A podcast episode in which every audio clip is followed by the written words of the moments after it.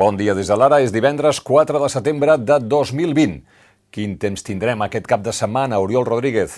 El temps es mantindrà molt tranquil fins diumenge al migdia, amb sol i alguns intervals de núvols poc importants. A partir de llavors creixeran nuvolades i fins i tot hi haurà algunes tronades al Pirineu i al Prepirineu, a l'espera que dilluns els ruixats guanyin terreny. L'ambient es mantindrà força calorós al llarg de tot el cap de setmana. La gran notícia del dia és que CaixaBank està ultimant la fusió amb Bankia. La notícia és una exclusiva de l'Ara, de l'Àlex Fontmanter, que van publicar ahir a quarts d'onze de la nit. A l'esquerra de la imatge, José Ignacio Goiri Golzarri, ara president de Bankia, i que serà president de la nova entitat i a la dreta Gonzalo Gortázar, l'actual conseller delegat de Bànquia que mantindria el càrrec. Jordi Gual, actual president de CaixaBank, haurà d'abandonar-lo. La seu social serà València, l'operativa estarà dividida entre Madrid i Barcelona i es tracta de la fusió bancària més gran que s'ha registrat a Espanya en molts anys, ja que s'integraran dues de les quatre principals entitats financeres. Les altres dues són Santander i BBVA. CaixaBank, que en borsa val més del triple que Bànquia, serà qui tindrà, lògicament, una participació més elevada en la nova companyia, al voltant del 30% de les accions. L'estat espanyol, que controla ara un 62% de l'accionariat de Bànquia, perquè Bànquia va haver de ser rescatada per l'Estat, seria el segon principal accionista de la nova entitat amb menys del 20% dels títols.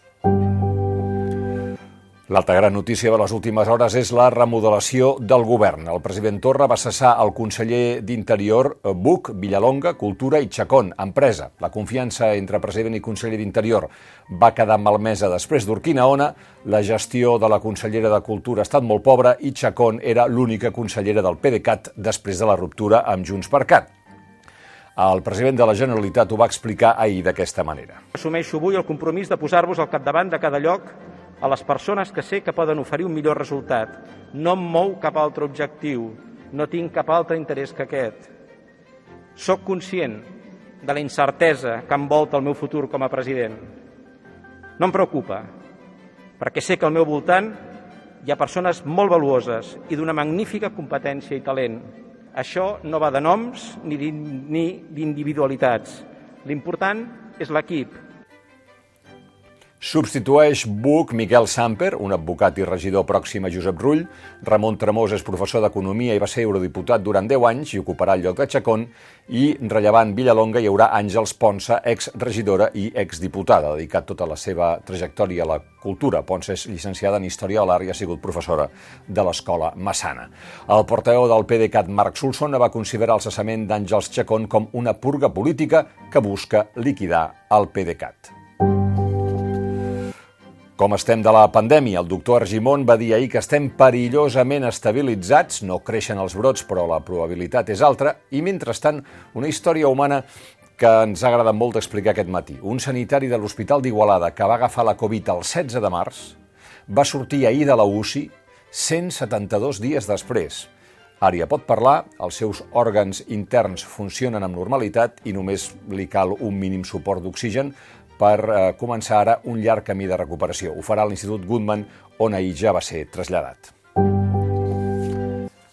El pallasso Tortell Poltrona serà el pregoner de les festes de la Mercè de Barcelona. Va dir que ja està estudiant per pronunciar un discurs a l'altura que farà amb el cor obert, al cap clar i intentant no fer mal ni rebre.